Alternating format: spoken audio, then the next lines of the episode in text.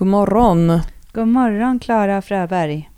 God morgon Johanna Barvelid. Välkommen till podden som handlar om hur du funderar över avancerad styrketräningsteori under en isolering. Nej. Oj, nu försvann du. Ja, hallå. Ja, Ja, det är lugnt. är du kvar? Nu kommer jag tillbaka. Vi börjar igen. Vad hände? Ja, Men jag satt på flygplansläge, men då försvann det. Jag fattar inte varför det blir så där. Jag Ja, man kan inte göra det under tiden. Nej, okej. Ja, sorry. Men vill du ringa upp igen? eh, nej, men jag har... Alltså, har du, ska jag göra flygplansläge innan jag ringer upp då, eller? Alltså annars ringer den väl via 3G-nätet kanske. Men ringer du, eh, pratar du i mobilen? Ja. Men ska jag ringa upp Så- dig från datorn då? Ja, gör det för att ibland blir det ju så här mobilstörningar Ja, när man ringer okej. från mobilen. Jag gör om det. Då, vi kan låta inspelningen gå, va? Och, ja. Okej, bra. Jag ringer upp dig. Okej, hej. Nu ska Johanna ringa upp mig, så nu kan jag passa på att snacka skit om henne.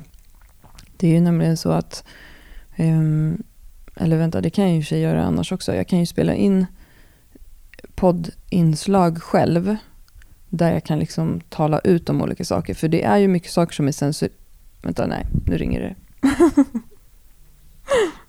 Nu har du lite teknikstim här.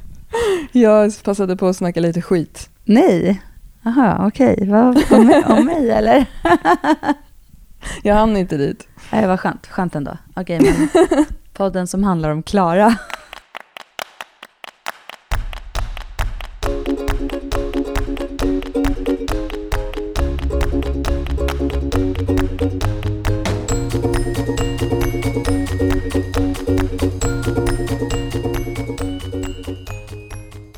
Hur är det 40-åriga livet? Det är exakt som vanligt. Fan, jag trodde du skulle säga så här, alltså det är som att komma ut på en ny sida. Men precis som könet så är väl åldern en social konstruktion. Eh, Mm, ja. Um, jo men det är bra. skönt. Jag, jag, ehm, jag såg precis mig själv. Du vet man ehm, har, när man slår igång mobilen, man ska typ fota sin kaffe eller någonting. Och så Mm. råkar kameran vara vänd åt fel håll så att man ser sig själv. Och så Mhm. ser man sig själv och bara, herregud.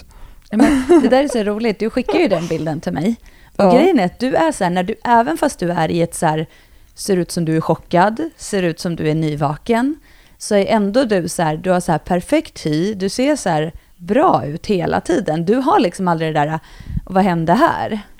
Jo, men jag ser ju helt arg ut och så här skelögd. jo, men arg och sen så blir du så här ändå så här håret lite vilt typ. Det ser ut som du kommer så här, alltså jag vaknade så här på morgonen helt så här fin i hyn och så här. Ja, men- det är fint sagt. Men, Ja, men så den, den känslan är ju alltid så här, Vem är det där? Ja. ja, jag, jag tänker alltid så här, men gud, är det så här jag ser ut egentligen? Tänker jag. det är bara de bilderna man borde publicera egentligen. Ja. Ja, Jag publicerade sån häromdagen bara på hur jag ser ut när jag sitter och tränar. Jag ser så fruktansvärt arg ut hela tiden. Så arg och sur ser jag ut när jag tränar. Men du är väl fokuserad? Men du med. såg ju glad ut på den bilden. Ja, lite när jag hade lejonman. Ja, precis. Det är också bra att du väger upp liksom din hårda attityd med lite rosa. Ja, just det. Rosa linne hade jag. Balansera lite. Jag balanserar min hårda attityd med ett rosa linne, det känns bra. Kommer du ihåg när vi hade någon så konstig stalker på vårt Styrkebyrån Instagram som ville att vi skulle skicka bilder på dina biceps till honom? Nej, det visste inte jag. Det in inte jag. Jaha, nej men det var Du kanske aldrig här... delade med av det. Det kanske Mm. du bara skickade bilder på mina biceps utan Nej. att säga något. Nej men det är så roligt med män på internet. Det Ja. var någon som gick igång på dina armar. Ja, det var kul. De är, de är, de är vad heter det, mm, pumpade nu känns det som. Mm, verkligen. Ja. Med mycket bänk. Det passar ju bra till det här avsnittet också.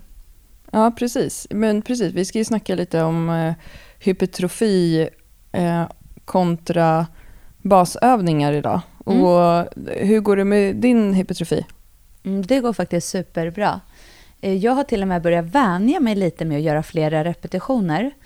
Eh, Jag har ju liksom någon typ av eh, hypertrofi grundträningsperiod nu, vilket egentligen för mig innebär att jag gör mest så här sexer, åttor, tior och några Mm. tolver och sådär.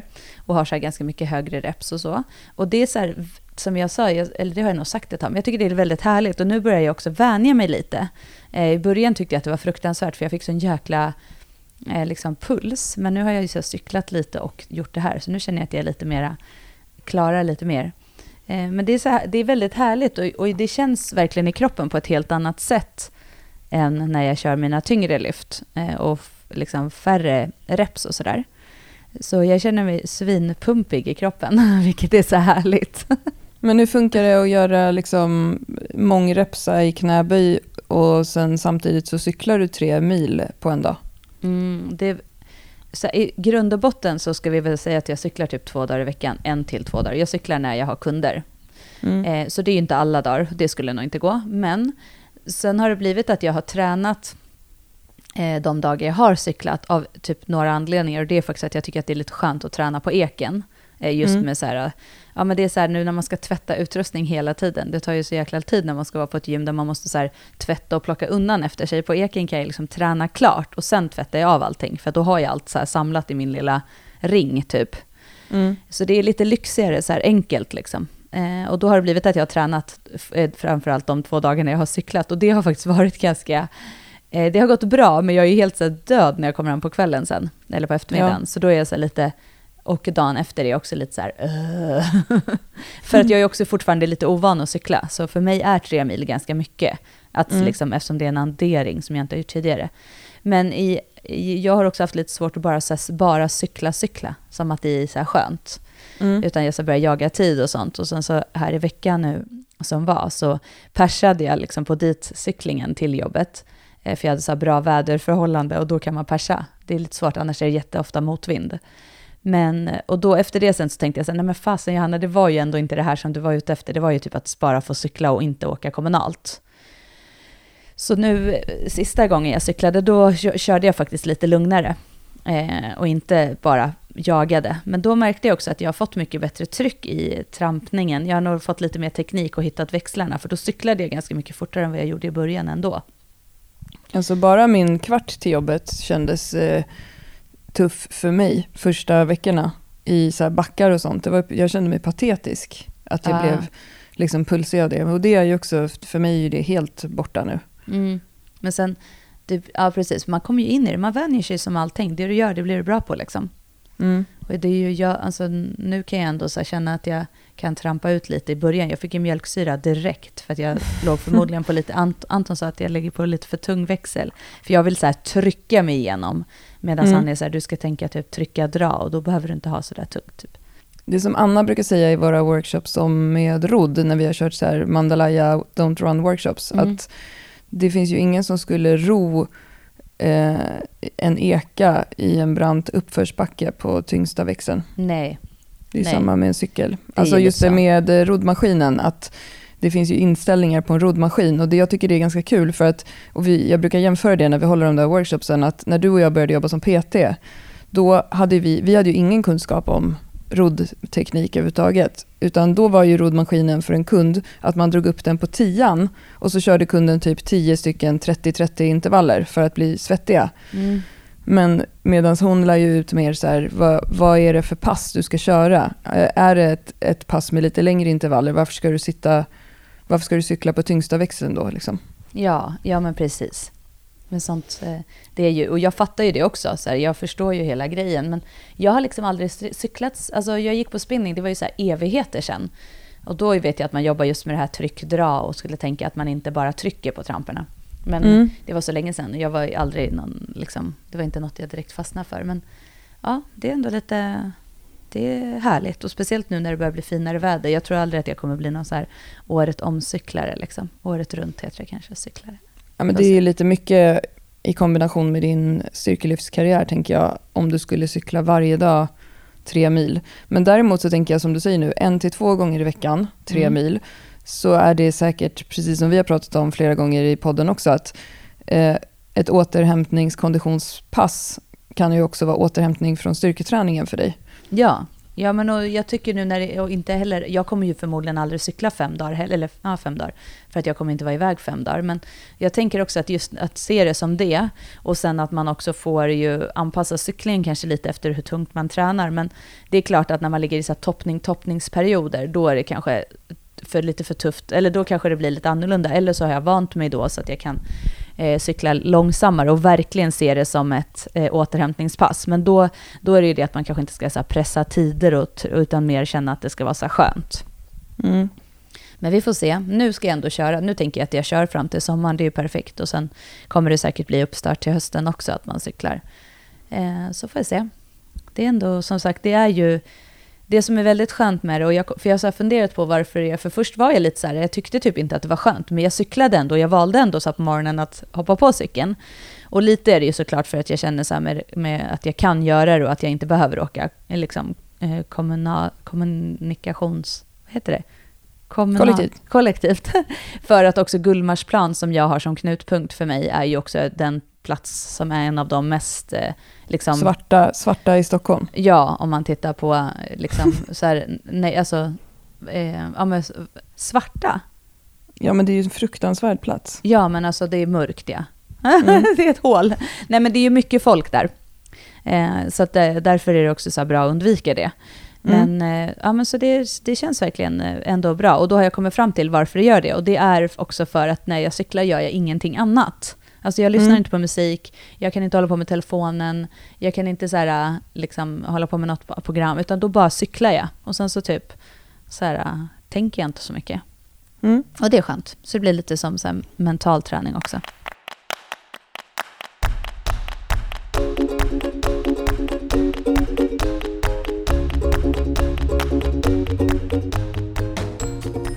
Du, Klara, en kul grej tänkte jag mm. att vi skulle prata lite om faktiskt, eh, är ju ett uppdrag som vi har fått. Ja. Som är för ett företag som heter Star Stable. Kan inte du berätta? Ja, Star Stable är ju ett eh, spelföretag, ett dataspelsföretag. De gör ju dataspel för barn. Eh, och mina barn spelar inte Star Stable själv. Jag vet inte om dina gör det, för att du har ju faktiskt en dotter som rider. Men det är ju med hästtema. Mm. Och det är ett jättestort spel. Och de har ju precis som många andra företag just nu en situation där alla deras medarbetare jobbar hemifrån. Och de jobbar med datorer. Och Star Stable verkar vara en väldigt härlig arbetsgivare på det sättet. Jag har också sett att de, de har ju så skickat hem goodiebags flera gånger under den här tiden till sina medarbetare med olika så uppskattande presenter. Och, eh, men de har faktiskt också fått lite så träningsredskap och sånt. Och eh, de har ju anlitat oss nu för att sköta deras friskvård digitalt under covid-19 eh, och under den här perioden. Och det känns jättekul. Och det som är extra kul med det tycker jag är att vi står för ett upplägg för dem där de får ett nytt, eh, de får liksom veckans eh, träning varje vecka. Men eh, det som jag tycker är väldigt som funkar väldigt bra med vår filosofi när det gäller det här med friskvård och företag som vi ofta pratar om och som vi också har en föreläsning om. Det är ju det här med att när det gäller friskvård för företag så blir det väldigt ofta så preaching for the choir. Att mm. de som får ett friskvårdsbidrag eller de som får så här, ni får gå på de här träningspassen eller ni får köra med den här PTn. Det blir oftast de som redan är frälsta. Och de som inte är aktiva och motionerar idag, eh, där kan, upplever vi att det ofta kan uppfattas lite så tvärtom från eh, arbetstagaren. Att liksom så här, arbetsgivaren ska inte lägga sig i vad jag gör med min kropp. Nej, och att det blir eh, lite så här hets att alla ska träna och att, man ska, att allting ska vara på en viss nivå. Liksom. Ja, precis. Och det som Star Stable har gjort istället är att vi, de vill att det ska liksom finnas någonting för alla. Så i det här upplägget som, som vi har till dem så finns det ett avslappningspass, för det är också jätteviktigt, speciellt när man jobbar så här framför datorn upplever jag också att det är så himla lätt att bli stressad av att man sitter för sig själv och har en att göra-lista. Vi har ju pratat om det här med att göra-lista i knarkandet. Mm. Um, men så att det, de får en veckans avslappningsövning och sen får de också lite så enkla övningar för typ ryggen när man sitter framför en dator hela dagen med gummiband, för de har också fått gummiband då hemskickade från Star Stable. Och sen så får de också två stycken olika träningspass, där det ena är ett styrkepass och det andra är mer ett konditionspass. Och sen utanpå det så får de också veckans utmaning. Eh, så förra veckans utmaning var det här eh, att man eh, och se om man kan marklyfta sin släkting, som vi också har haft som en utmaning för förra sommaren tror jag, när vi släppte vårt program Bär en liten släkting. Så det, tanken är i alla fall att alla ska känna sig inkluderade, så att det inte blir så här, alla ska gå ut och springa. Mm. Eller alla måste köra ett tungt pass typ med redskap, utan att det finns verkligen olika nivåer. Mm. Och det, där, det, det tycker jag är så himla intressant, för det är verkligen alltid när man pratar med eh, jag pratar jättemycket med det med kunder nu och sådär och framförallt folk runt omkring och sådär för att det är så många som jobbar hemma. Och att mm. det här med träning och det blir ju alltid lätt att man pratar med träning när man pratar med mig eftersom jag jobbar med träning. Men just det här att, att um, att hitta någonting som passar, att alla är så här, men jag borde göra. Och, jag, och istället tänker jag så här, vad, vad kan jag, vad vill jag göra och vad känns bra? Alltså för mm. att det ska inte bli så här, annars blir det ju bara ytterligare en stress. Jag borde sticka ut och springa, jag borde göra det här, jag borde göra det här. Mm. Eh, eller jag borde träna, jag borde köpa på mig redskap. Att man, det, man måste alltid tänka att så här, det lilla man gör kommer ändå in, ha en inverkan. Alltså det kommer ändå bidra med någonting. Så det är bättre att göra någonting litet som känns bra och som inte blir så hög tröskel, än att tänka att man måste göra det perfekta passet med redskap utomhus. Nej, exakt. Och en sak som jag tycker är intressant med det här med nu när vi är väldigt många som jobbar hemma, du jobbar också mer hemma än mm. vanligt mm. och så vidare. Det, jag pratade med Anna, eh, återigen Mandalaya, om det häromdagen, för hon går just nu en befälsutbildning inom brandkåren.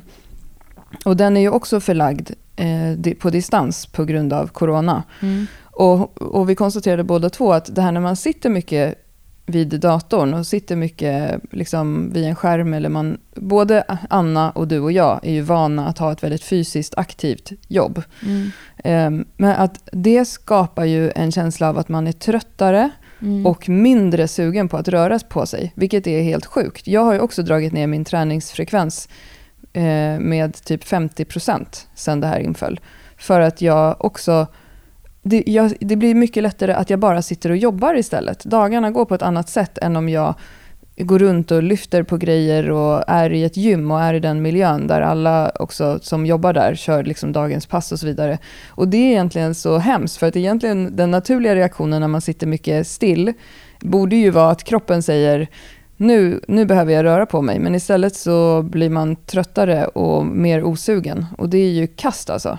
Ja, men jag kan verkligen, det där, det, jag håller verkligen med och jag känner exakt samma sak. För jag har lättare för att motivera mig att träna, eller motivera mig, men att få komma igång och ta tag i det när jag är på gymmet och jobbar. Alltså när jag är i den miljön, än när jag sitter hemma. För att jag blir så här, nu ska jag bara göra det här och man vill vara så effektiv som möjligt och så här. Och, och att göra-listan tar aldrig slut. Nej, och eftersom den aldrig tar slut så tänker man som jag fixar det där, jag fixar det där. Och jag har ju ganska ofta så att jag har ju de, eller de två dagarna, en till två dagar som jag är inne och har PT-kunder, då har jag ofta PT-kunder ganska mycket och sen då har jag inte massor med administrativt jobb. Jag försöker dela upp det för att det också inte ska bli så hoppigt. Mm. Eh, och då, så då blir det så att de dagar jag sitter med det, då vill jag göra så här klart och verkligen maxa. Så jag har också, och då blir det lätt att man bara sitter och sitter och sitter och timmarna bara rullar iväg. Ja, och det är också så här, jag tänker på alla människor som vanligtvis också jobbar på ett kontor, att bara den här lilla vanliga vardagsrörelsen med att gå till kollektivtrafiken, gå till kaffemaskinen, gå ut och äta lunch, den försvinner ju också nu. Och för oss, vi är ju jättebortskämda med att ha ett jobb vanligtvis där att eh, flytta på kunders vikter och gå och hämta och lämna och racka en stång och eh, byta ut en kettlebell. Det är ju vardagsmotion för oss som mm. vi har fått hela tiden annars. Eh, och det är ju det är så jäkla bra. Alltså det skulle vi klara oss långt på utan att träna någonting. Och nu har ju jag knappt någonting av det. Jag är inne på eken en gång i veckan, max. Um, och då är det liksom min cykelfärd dit och att flytta tvätta, tvätta, tvätta alla vikter ja, som är liksom aktiviteten. Så det, ja, det finns ju många aspekter i att det är toppen från en arbetsgivares perspektiv att också hjälpa medarbetare att både ta fler pauser, mm. eh, men också att inspirera till att bara få in lite så vardagsrörelse. Mm. Gud, det här med att tvätta alla vikter nu. Nu har jag börjat så mina kunder bara, rör inte så här, eh, jag, du får röra typ de redskap du ska använda givetvis, och så här skivstången, men jag lägger på och tar av alla vikter, för att då kan jag använda samma vikter till flera kunder och sen tvättar jag allt när allting är klart. Men jag, själv, mm. jag tvättar av så här skivstång och allt som de tar i tvättar jag ju av in mm. mellan kunderna. Men just det här att så här, alla viktplattor och sånt behöver jag inte hålla på att tvätta emellan då, för då är det bara mm. jag som har tagit på dem. För jäklar vad man tvättar vikter nu alltså. Ja, det tar ju jättelång tid. Jag hade ja. en PT-grupp för mm. två veckor sedan. Och då hade jag haft en kund innan också. Och då blir det ju så här tajt mellan passen så att man inte hinner plocka undan emellan. Och sen så eh, körde ju de med varsin skivstång också i den här gruppen. Och sen så skulle, de, så skulle de hinna duscha och sånt där efteråt. Så jag bara, men jag kan ta det. Alltså jag höll ju på i en halvtimme. Ja men det tar allting. tid att tvätta och grejen är att det är ju egentligen så här nu, så här, skulle man nu, jag är ju alltid så här, jag bokar ju mina kunder efter varandra. Men mm. nu när man ska tvätta, då måste man nästan ha så en kvart om man ska hinna tvätta av grejer. Men nu tvättar alltså just så här, då kommer jag ju på att om jag bara drar av det som de själva ska hålla i, eller så tar jag fram nya grejer och sen får de eh, vad heter det, så tvättar, jag, så tvättar jag allt efteråt. Men då har man ju typ en hel kettlebellpark och en typ eh, skivstångspark att städa efteråt.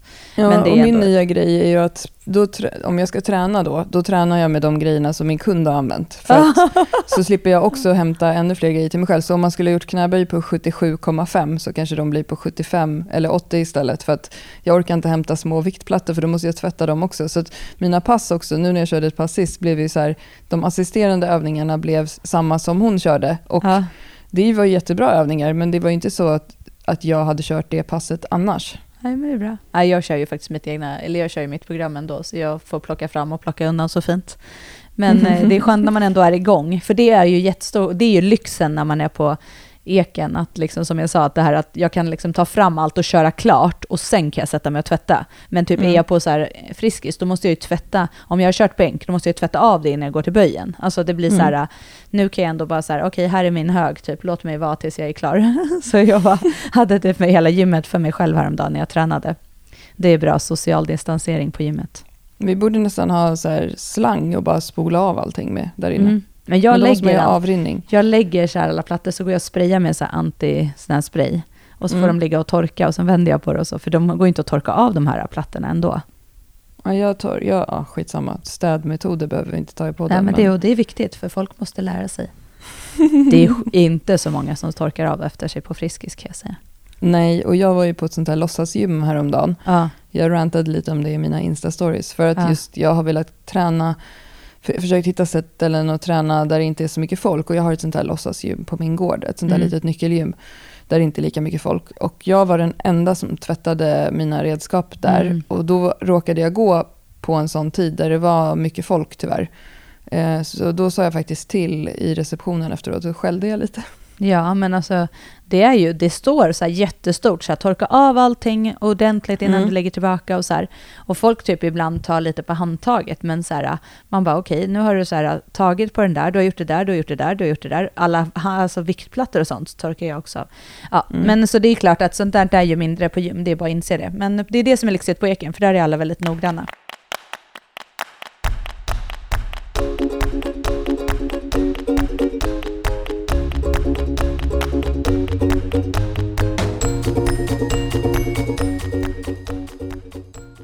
Vi får ju ofta frågor om så här, vad som är bäst. Mm. Och sådana frågor är ju alltid så här, hur långt är ett snöre? Vad kostar en bil? Mm. Men om man vill bli biffigare, vilket många som kör våra program vill, eh, ska jag köra de stora baslyften, alltså knäböj, bänkpress, marklyft, räcker det?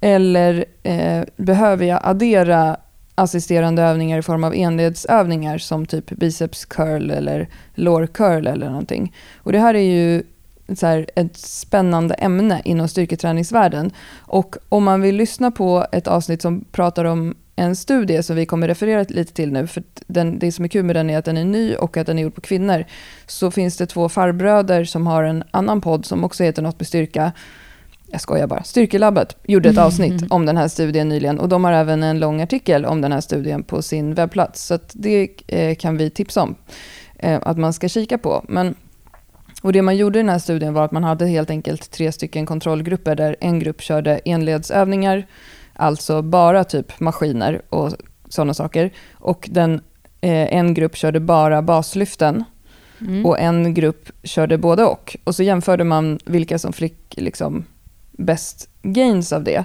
Och det man kunde se var ju att den grupp som körde eh, bara flerledsövningar och, det, och den gruppen som kombinerade flerledsövningar och enledsövningar fick mest muskelutveckling. Förutom en enda eh, ställe på kroppen som enledsövningsgruppen fick bättre gains i och det var baksida lår. Så att Mm. de körde den med, jag vet inte om det var liggande eller sittande lår curl som de Ja. körde i den. Men det man egentligen kan säga sammanfattningsvis var ju att ehm, de stora rörelserna som de gjorde hade en bra överföring till de som också körde enledsövningar. Men enledsövningsgruppen, de, det har inte så stor överföring till eh, flerledsövningarna. Nej, så, så om man säger så här, rent krasst, eh, att, eh, och det finns ju massor att, läsa om så här, exakt vilka de övningar de gjorde, men flerledsövningar är ju inte bara basövningar med skivstång, utan det är ju även, eh, de körde ju även så här eh, latsdrag och lite sådana, där du, alltså större övningar på maskiner. Alltså, Precis. så det var inte bara knäböj, marklyft och bänkpress, men, men det var... Nej, de körde utfall också Ja. och kabelrodd och drag till hakan och lite grejer. Ja, men så ändå Men- ganska stora rörelser, fast ja, men ändå så här, inte det här att det är en biceps eller en triceps eller en lårcurl, utan just lite där du använder fler leder helt enkelt i din Ja. rörelse. Men, Precis. så det man kan säga rent så här, eh, krasst, eh, utifrån vad den här studien ändå tycks visa, Mm. är att så här, okej, om du på det effektivaste sättet vill bli eh, stark och större, så, så kan man se att det finns en, en mer effektiv metod att jobba med eh, flerledsövningar, alltså större övningar, Mm. eh, än att jobba med så här, enledsövningar och små övningar med hantlar till exempel. Eh, så det är ju så här, för den personen som är så här, jag vill vara effektiv, jag vill göra det här och det ska gå så fort som möjligt, så är det så här, ja, då, och det är inte så konstigt, det säger sig självt. Det är liksom, jobbar man med stora rörelser så kommer man få större input på kroppen. Det är så här, Mm. ganska logiskt, tänker jag. Någonting Eh, som vi ofta säger i den här podden är more bang for the buck. Ja, alltså exakt. mer för pengarna. Och sen också så här, beroende på så här, hur mycket tid har du? Om du vill ha mest resultat av den tid du har, eh, så, så, så gör det som ger störst bang. Mm. Eh, men, men däremot så, så tänkte, jag, tänkte vi att vi skulle prata lite utifrån den studien, fast ändå kopplat till det som vi träffar och våran målgrupp. Och vi kan ju inte så här säga emot en studie, alltså det kommer vi inte göra. Men däremot kan vi ju säga så här, det här ser vi och så här funkar väldigt mycket i the reality. Och det tänker jag att vi ska prata om det lite. Precis, och just att det kanske finns tillfällen ändå när man borde välja andra övningar än basövningarna. För Ja. att det är ju inte alltid så enkelt, precis som du säger, att man kan utgå från att så här, det här är bäst. Och om det var så att man kunde läsa massa studier och se så här, men det här är bäst och sen börja göra det, då skulle ju alla, alla som vi träffar nå framgång med sin träning för att de skulle Exakt. göra som det stod i studierna. Och eh, verkligheten ser ju inte riktigt ut så. Det finns ju några andra faktorer som, som man behöver ta hänsyn till. Och en sån som jag tänker på också Johanna, det är ju det här med att om man träffar en nybörjare som är ny till träning, Mm. Eh, Eller till exempel en senior tänker jag också. Ehm, Det, det kan kan ju finnas lite olika anledningar, men vi pratar ju ofta i den här podden också om att de här stora övningarna, typ baslyften och sådär, att en, en viktig grej om man vill bli stark är att också träna på tekniken i dem. Mm. För att de är mer komplexa, det finns en högre skaderisk, men du blir också framförallt bra på det du tränar. Det har vi ju pratat om för inte så många avsnitt sen heller, att det är en stor ehm, viktig ingrediens för att bli stark. Mm. Men, och en nybörjare har kanske inte alltid den mest fördelaktiga tekniken och har naturligt i sig att dra ett marklyft eller att göra ett knäböj.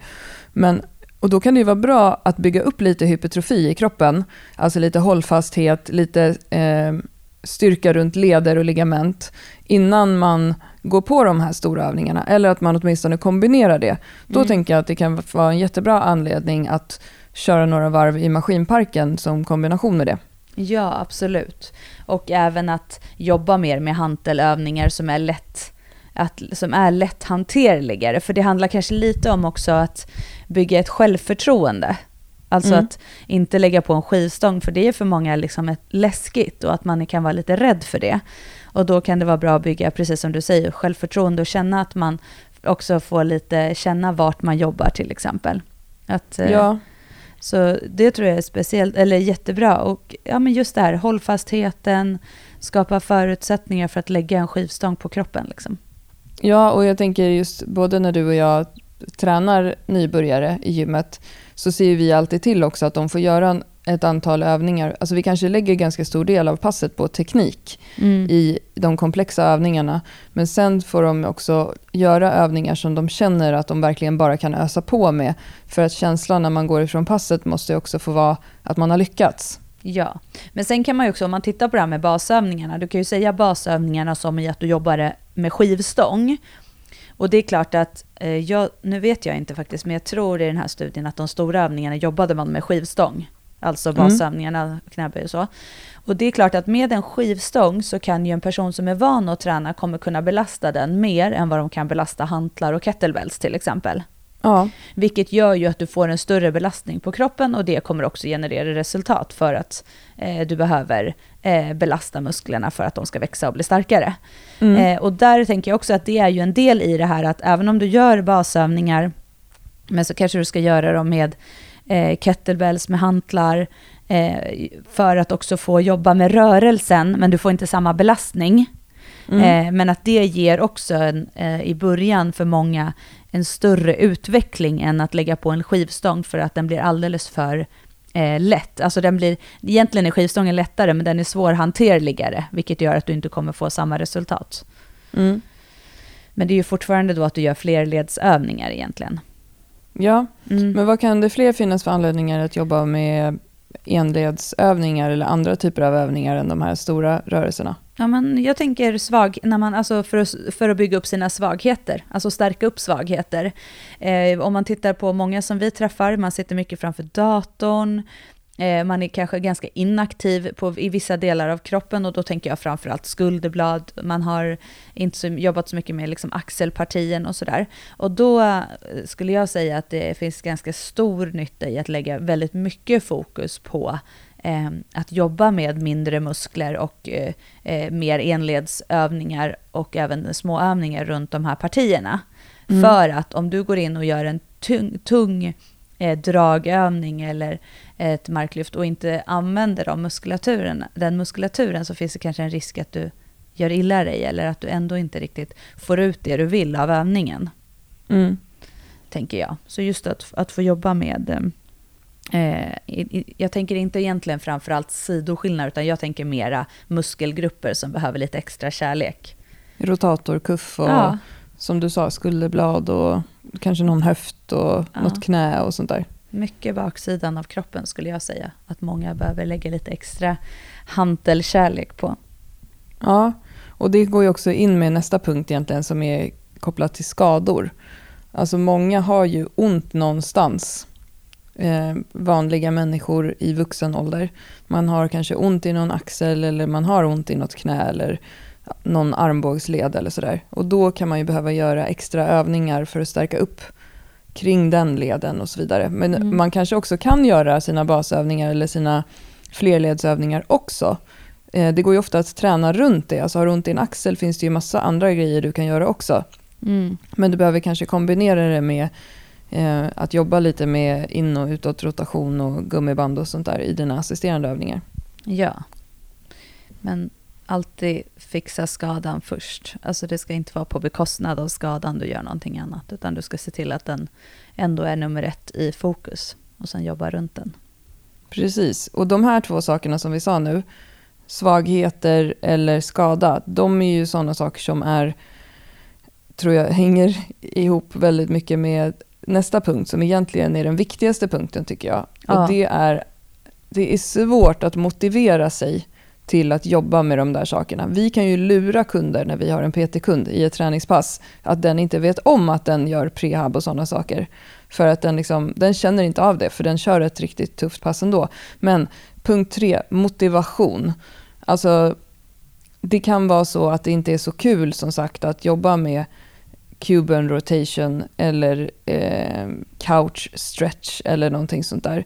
Och det kan också vara så att man tycker att det inte är så kul att bara göra knäböj och bänkpress. Även om liksom att assisterande övningar till dina toppset i bänk kan ju absolut vara som du gör nu, tolvor i bänk. Och du tycker att det är roligt, men många gör ju inte det. Och det som är, som sagt, det går att läsa i en studie exakt hur man ska träna för att det ska bli så bra som möjligt. Men de allra, allra flesta, det är ju motivation som de har problem med. Att träningen inte känns kul. Och det har vi pratat om tusen gånger i olika avsnitt, att det ofta är kopplat till var, hur motiverad man är för att uppnå det som är ens mål. Alltså om du skulle bli skadad nu Johanna, då skulle du inte ha något problem med motivationen att lösa det, för du har fortfarande så stark motivation i att dra 200 kilo i marklyft. Men motivation är ju för de allra flesta vanlisar, inklusive mig själv, någonting som hela tiden är en utmaning. Och då kan ju andra övningar som känns antingen så tekniskt kluriga eller trixiga, typ bara att göra ett så här searcher-böj istället för ett vanligt böj, kan göra att själva passet känns lite roligare. Ja, och grejen är att det är ju ändå så att om du vill ha en utveckling, för det är, det är egentligen så här att vi, jag är ju lite så här trång, eller så här, jag är så här rak, typ lite kubig, tråkig när det gäller sånt. Typ som med maten, som med träning, att jag är så här, jag tänker att jag ska göra massor med andra övningar, men jag tycker att det är roligast att knäböja, marka och böja typ. Alltså, sen lägger jag massor med fokus på så här prehabövningar också för att inte få problem i axeln eller inte få problem i knät eller höft eller vad det nu är. Men, mm. men det som är är ju så här, många tycker inte det är kul och det är ändå i sinum och sist, säger man så? Till syvende och sist. okay, alltså, någon, gång ska jag, någon gång ska jag göra en ordlista ja, med alla alltså dina roliga ordspråk och allting som du drar alla över en kant och sådana ja, där saker. Ja, men det jag skulle säga till, det är i alla fall kontinuitet. Hojken sa du någon gång om cykeln också, att du hoppade på hojken. Ja, hojken. Ja, i alla fall. Ja, men hojken, det är min. Hojken är min. Den ska fan heta hojken. Man ska ha ett namn på den, nu heter den hojken. Ja, men det är ändå kontinuitet som kommer avgöra om du får resultat. Så egentligen så här, även om du är så här, okej, okay, det är smartast att göra de här stora övningarna, de här flerledsövningarna för att få snabbast resultat, bla bla bla. Men mm. har du inte kontinuitet i din träning för att du inte har motivation och tycker att det är kul, mm. då är det skitsamma om någon säger så här, det där är ändå det bästa. För att är mm. du inte den typen av person, då kommer du inte få kontinuitet i din träning och då kommer du ändå inte få de resultaten. Mm. Och det är det som är att det här variationen, för en person som ska tävla i någonting, som är elit i någonting, där kommer det vara så här, vi ska ta den snabbaste vägen. För ja. att det kommer göra dig starkast, det kommer göra dig störst, det kommer göra dig snabbast och så vidare. Men för en vanlig motionär så kommer kontinuiteten vara avgörande. Och då är vår erfarenhet, och vi har ändå träffat ganska många kvinnor eh, inom träningen, att behöver finnas en variation och det behöver finnas eh, någonting annat än bara de här lyften. Eh, ja. Eller bara de här eh, stora övningarna. Eh, och det behöver finnas lite klurigt och det behöver få finnas lite bål extra och det behöver finnas något som bränner lite och så vidare och så vidare.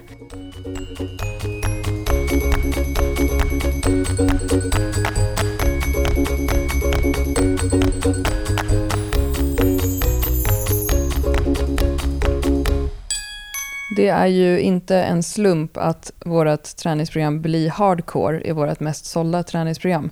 Som ju är ett så här bålprogram. Men där jag tror att nyckeln till varför många känner sig otroligt mycket starkare i bålen efteråt är också för att de har följt programmet. Så är det ju mm. ofta. Just det här med kontinuitet som du säger. Mm. Men i det programmet är ju i princip alla övningar, det är ju knäböj och marklyft i det programmet också såklart. Men det är ju mycket inom citationstecken kluriga övningar i det programmet. Ja, precis. Men sen är det ju så här, det är ju så här också, alla vill ju inte bli stora och starka, men många vill ju ändå få mer muskler och bli starkare. Men man mm. vill gärna ha någon egenskapad väg till det. Ja. Eh, och därför då får man ju ändå, man får liksom, man får ha en del, men man får lägga till sådana här övningar som kanske inte är, ja de kanske inte är de mest effektiva, men det kommer skapa glädje och det kommer skapa kontinuitet och man kommer känna att man får göra någonting som man tycker är kul. Så det blir ändå, och jag vet att många gånger när man, eh, jag vet, kommer ihåg på vår utbildning när vi pratade med flera stycken, så var det så här, just det här att ja men nej det är inte alltid kul, allting är inte alltid kul. Men för de flesta motionärer så behöver det ju vara kul. Det kanske är det som faktiskt är drivet egentligen. Sen Ja. så vill man nå några resultat, men det är inte så att man inte kommer bli starkare för att man gör lite andra övningar också, utan men man behöver ju också ha eh, lite tyngre och vikt på, på sig såklart också för att få utveckling, men att det, det blir inte det viktigaste i längden. Nej, precis. Och det tycker jag är jättetydligt. Vi, vi brukar ju skämta om det att vi har vissa kunder som alltid får avsluta med samma övning under sina pass och det är sådana övningar som de älskar. Och det är bara för att de ska liksom känna att passet blir peppigt.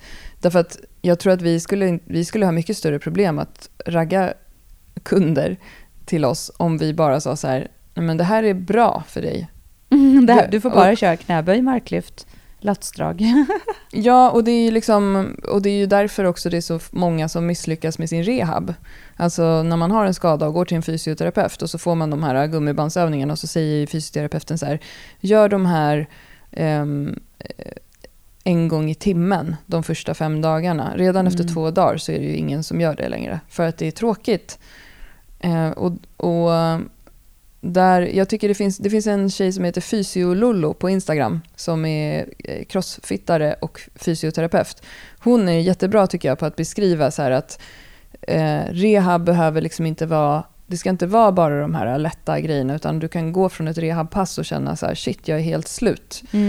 Eh, Men det finns en, eh, vad ska man säga, en gråzon däremellan tycker jag där liksom fysioterapin har inte riktigt alltid kanske den kommunikationen med människor, att man ser just människan i centrum och vad som kommer få den att faktiskt göra det här. Eh, utan att man ger dem just bara ett så här litet schema. Kommer du ihåg de här som man fick förr? Ett så schema med gubbar som var ritade typ. Och så stod det så här 3 gånger 10 på ett papper. Alltså där, de skulle behöva kanske jobba mer med just vad motiverar människor i gymmet till att faktiskt få det här gjort. För Mm. blir det gjort så kommer det bli bättre. Men finns det ingen motivation eller att passet känns jättejobbigt så kommer det inte bli gjort. Och ett ex- annat exempel på det är ju din kund som hade ont i knäna när hon var gravid men som persade i bänk när hon var gravid. Mm. Eh, alltså hon lyckades eh, hålla motivationen trots att hon var skadad och fick, blev också aspeppad på att bli starkare i överkroppen för att hon hade ont, fast hon hade ont i knäna. Ja, hon kunde det- göra tråkiga övningar runt knäna och det som behövdes för den typen också. Men hon gjorde det största var att hon fick jobba med saker hon tyckte var kul. Ja, och jag tror att det är därför det ofta är en så här bra kombination. När vi skickar våra kunder till terapeuter så får de de här så kallade tråkiga övningarna av dem och så kan du och jag hjälpa våra kunder att inkorporera dem i resten av passen. Att det blir gjort liksom. Och att det, men också att vi kan göra så att de får göra andra saker också. Det går liksom att bli eh, att känna att man faktiskt tränar och att man inte bara gör de där äh, ja, men jag tror också att det är ju jättemånga som gör det också. Alltså så, här, så är det ju med alla i alla. Alltså det finns ju jättemånga som har säkert superbra redskap för att eh, skapa bra komplement till dem i sin vardag och så vidare. Men jag tror att det som oftast blir, som jag upplever när man träffar de som har skador som kanske då inte har gått till de som vi jobbar med, för att då har vi en dialog med godkännande från kund. Det är ju just det här att de blir lite så här, man, det blir lite svart eller vitt. Så här, ja, det här, jag får bara göra det här nu. Alltså att mm. just det här att när vi har en dialog med en terapeut så kan jag, jag, jag också säga så här, okej, hon får göra det här. På, I vilken grad får hon göra det här? Hur mycket? Får det göra ont? Får det bli stramt? Alltså, jag kan Mm. ju skapa mig en frågebank som gör att jag kan maximera för den här kunden när hon väl tränar. Eh, Mm. och det är ju såklart en jättelyx. Eh, och det är ju en jättelyx som inte alla har möjlighet att göra. Alltså, för då ska du gå både till en terapeut och till en typ PT som dessutom har en dialog med den här terapeuten. Så det är klart att det är ju en jättelyxig grej om man kan göra för att motivera sig om man är skadad. Tänker jag. Ja, Alltså att det inte är så självklart att man kan göra det, men det är klart att det, är, det finns ju alltid en optimering i att man får ut max av alla delar i om man vill komma vidare eller få resultat eller bli motiverad. verkligen. Men om man återgår till den här studien då ehm, och tittar på vad de gjorde och tittar på träning generellt så finns det också den här andra gruppen som kanske är lite mer som du som är så här, jag behöver inte ha massa lullull i mina Mm. pass. Jag kan ha så här 4 gånger 12 avslutning bänkpress. Mm. Och då kan man också känna sig trygg med att det kommer också bli jättebra. Mm. Du kan absolut avsluta dina bänkpass med att göra bänkpress som assisterande. Eller du kan absolut avsluta dina knäböjspass med att göra knäböj som assisterande. Du kommer Mm. få jättebra resultat av det också. Så att svaret är liksom att nej, man behöver inte göra enledsövningar. Man behöver inte göra biceps curl. Du kommer få ut jättemycket i biceps av att göra en skivstångsrodd också. Mm. Men eh, om man tycker att det är kul så finns det ingenting negativt med det heller. Utan att bygga upp sina träningspass handlar ju alltid om den här pyramiden på något sätt. Vad behövs det i basen? Vad är det som är målet? Om målet är att bli starkare i knäböj, då behöver jag lägga mycket fokus på att träna tekniskt på knäböj, göra knäböj. Och sen kan du addera saker ovanpå det. Men om ditt mål är att jag vill träna hela kroppen tre gånger i veckan och bli biffigare, då kan du absolut göra en kombination av det här. Mm. Och kan man inte knäböja eller kan man inte marklyfta, kan man inte bänkpressa så behöver man inte bli ledsen för det. För det går att göra också, som sagt, massa andra saker för det också. Och sen kan man också lägga till, och det tycker jag också är lite intressant, att eh, baksida lår verkar vara ett sånt område som är lite svårt att få ut maximal hypertrofi av eh, Av de, stora, av de stora rörelserna. Precis, så att det, det är ju aldrig fel att lägga lite kärlek på att göra kanske lite lår curl eller sådana övningar som du och jag ofta lägger in eh, i våra teamstyrkebyrån är ju till exempel lår curl i ringar eller TRX om man inte har någon maskin. Mm. Eh, eller finnen med gummiband. Eh, svintung övning men som är jättebra just för att attackera baksida lår. Personligen har jag inga problem med det. Jag har ju något så här fel med min kropp som gör att allt hamnar på baksida lår. Och jag har ju också så här, det är det enda jag känner av när jag cyklar också, vilket är helt sjukt. För jag hoppades att det här med cyklingen skulle göra att jag fick lite större kvadriceps. ja, jag känner bara framsidan typ.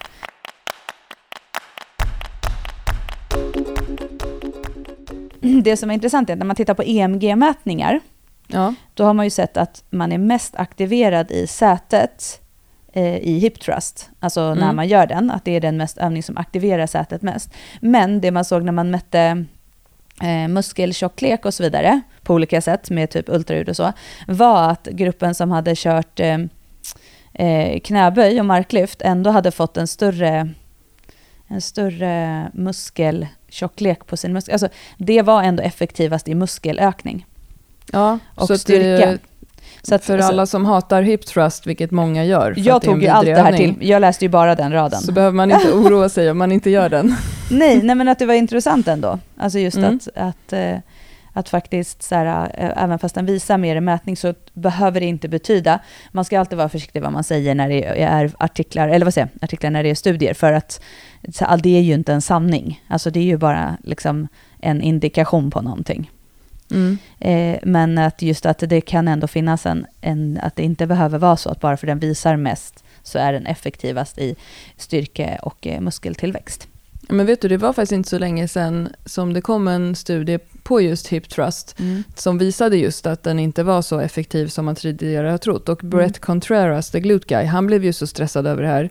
Konstigt. Eh, eftersom, eftersom att han har byggt hela sitt koncept på hip thrust. Ja. Så han gjorde en egen studie då, så han skickade ut, jag är med på hans nyhetsbrev, han skickade ut till alla sina kunder, för det är ju, eller prenumeranter, han har ju svinmånga, ja. och bara svarade så här, kan du berätta hur det går med dina hip thrust? Typ, så att han ville liksom falsifiera den. Ja. Eh, och eh, det tyckte jag var väldigt roligt. Men, men jag tänker att så här, det här kanske har lite, det här kanske är lite som sak som med bålen. Eh, om man tittar på det som Stuart McGill har forskat på kring ryggträning. Ja. Att eh, du kommer få ett större påslag i en enskild muskel om du aktiverar många andra muskler samtidigt i det här samspelet. Alltså Mm. din intramuskulära koordination.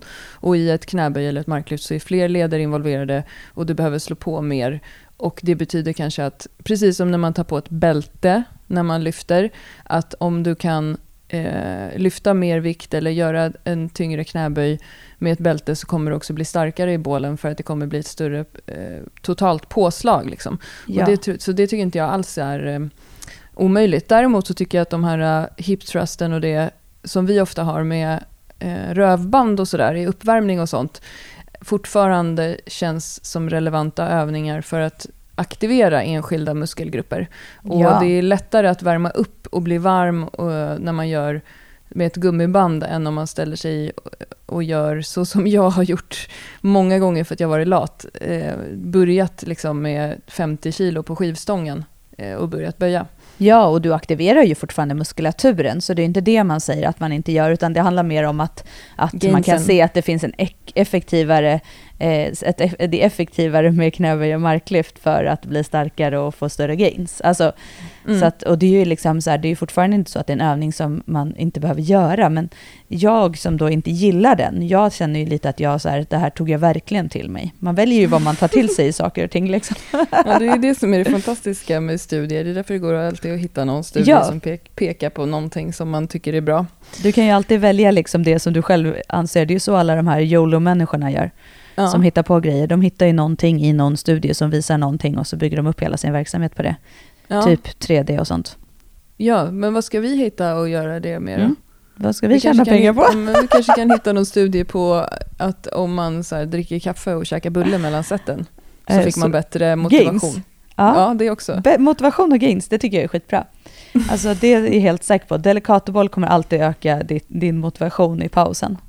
Och sen så bara hänvisar vi, men vi måste också hitta någon sån här matta som vi kan ta betalt för och flera tusen lappar som kopplar an, men kanske en termos. Ja, eller så här, en bricka där du har så här delikatboll, kaffet, alltså där du har dina olika saker. Som Vetenskapligt står här, bevisad. Ja, men som står så här också som du inte kan tippa. För du vet, ibland när man ställer någonting och så, så du bonkar man ner någon skivstång eller något så tippar det där. Så du kanske skulle ha någonting där du kan ställa ner det liksom, så att det blir så stabilt. Funktionell fika funktionell fika i din styrkesätt. Skitbra! Det är faktiskt jättebra. Ja. ja. Gud alltså, det, man måste ändå tänka utanför boxen.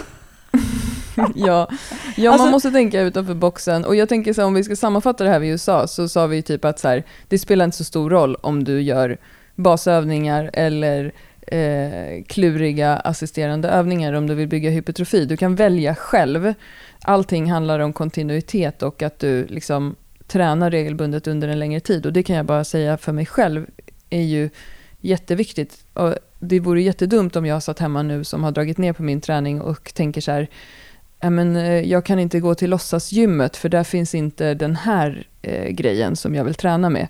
Det är ju helt hål i huvudet. Mm, mm. Verkligen. Verkligen. Trä träning som blir av. Ja, men lite så är det faktiskt. Träning som blir av är träning och det är det man måste se till. Sluta gör tröskeln för stor. Gör det enkelt för dig. Ja, verkligen. För tittar du tillbaka på ditt senaste år och säger, inser att du har suttit hemma och letat efter det perfekta träningsprogrammet istället för att gå till låtsasgymmet och mm. pumpa lite lår curl så skulle jag hellre sikta på låtsasgymmet eh, metoden faktiskt. Mm. Det är ju den jag är inne på själv nu. Men du Johanna, en annan sak innan vi slutar. Ja. Eh, till nästa gång så tänker jag att vi båda måste klämma några avsnitt av det här nya Guilty Pleasure-programmet där arga snickaren ska göra en hälsoresa. Jag vet! Han, jag tänker att han kommer vara arg i allting. Han kommer bara, är det så här? Är det så här det ska vara? Är det det här jag ska äta nu? Är det här jag ska träna? Är det det här? Är det så här? Hur tänker du här? Det vore så jäkla kul om någon annan coachade honom så som han coachar folk. Tänker ja, eller hur? Bara, är det det här? Är det så här bara, du ska äta? Exakt. Är det här mat? Är det här mat? Är det här träning? Tycker du att det här är ett knäböj? Jaha. Ja, för det tyckte inte jag. Nej. Nu tar vi och gör om det här. Ja, du måste ju prata med... Måste ju prata med Agneta. Måste ju kommunicera att du ska gå till gymmet. Det är inte hållbart att du bara drar iväg. Det är jättekul. Alltså jo, vi måste verkligen göra det. det, här, det, det jag känner att det här kan vara så att det blir ett av mina favoritprogram. Att följa han. För han är ändå Vilka... helt magisk. Vilka andra karaktärer är det som jag, är jag har faktiskt inte så bra koll. Jag såg bara på reklamen att han dök upp och då tänkte jag, jag att det är han och Agneta Sjödin och Ja, hon fler. är det. Just det. Ja, men hon är så här, henne, jag tänker så här, hon är så här plikttrogen och lyssnar och är så här, kämpar på liksom. Han är lite mer så här, ha, ha, ska jag göra det här? Ska jag säger du att jag inte är i form? Är ja. det du säger? Men han kanske är tvärt, helt tvärtom. Men det är det jag tänker, det, för mig under de här tiderna så gäller det att hitta liksom någon slags trygghet i saker. Och ja. jag känner att han är en karaktär som alltid är likadan. Alltså han skulle ju kunna... Ja, han är härlig. Han skulle ju kunna ha ett, läs, ett bokprogram, bokhörna, så skulle han bara Är det här litteratur? Va? är det det? Vet du ja. vad jag tycker om det här? Det här är inte litteratur. Men sen i slutet också blir det alltid ändå bra. Han bara, då blir han ju så snäll och mjuk och så blir han så här kramig och så är han så här, ni är så fina. ta hand om varandra nu. Alltså han är liksom, det slutar ändå alltid i det liksom. Han tycker ju alltid om alla och så. Han är ju snäll liksom. Ja, han är härlig. på det här. Han är, en, han är en fin person i våra liv. alltså arga snickaren. Han har lyckats liksom profilera Ja, men, sig. ja. Jag vill vara lite mer som honom. Jag ska börja säga, "Ha, är det här? Ha, är det här, är det här? Kallar du det här att göra läxan? Va? Är det här, är det här en bokstav? Va? Va? Det är Jag känner barn. att jag är lite som han Nej, det är du inte. i vissa delar av mitt liv. Ja, okej. Ja. Ja, Jag, har- sa, jag sa till en kompis till oss just nu som jag coachar i eh, kost. Eh, vi har ju jobbat jättemycket med kostrådgivning, men gör ju inte det längre. Men då kan man ju hjälpa någon vän ibland och sådär. Och då hade jag sagt till henne så här, eh, lite grejer som jag tänkte hon skulle fokusera på under en vecka. Hon fick en så här liten utmaning. Mm. Och sen så, och då så, så svarade hon så här, ja men jag gillar inte när såsen hamnar mot grönsakerna. För jag, jag vill att hon ska jobba med tallriksmodellen. Och då sa jag så här, måste du ha sås då? Som Johanna skulle ha sagt. Och så skrev jag så här, grow up. ja, jag vet. Men så skulle jag ju aldrig ha coachat en, eh, en kund som inte jag känner. Det här är ju för Nej. att det är en kompis till oss. Ja, men det är ändå härligt. Är. Men då var jag lite Anders. Raka rör med Klara Fröberg. Ja. Du, det här tycker jag var eh, en härlig pratstund. Men nu tycker jag att vi eh, lägger på. Ja, det gör vi. Ja, Ha det så fint. du med. Vi hörs då. Puss, hej. Tja.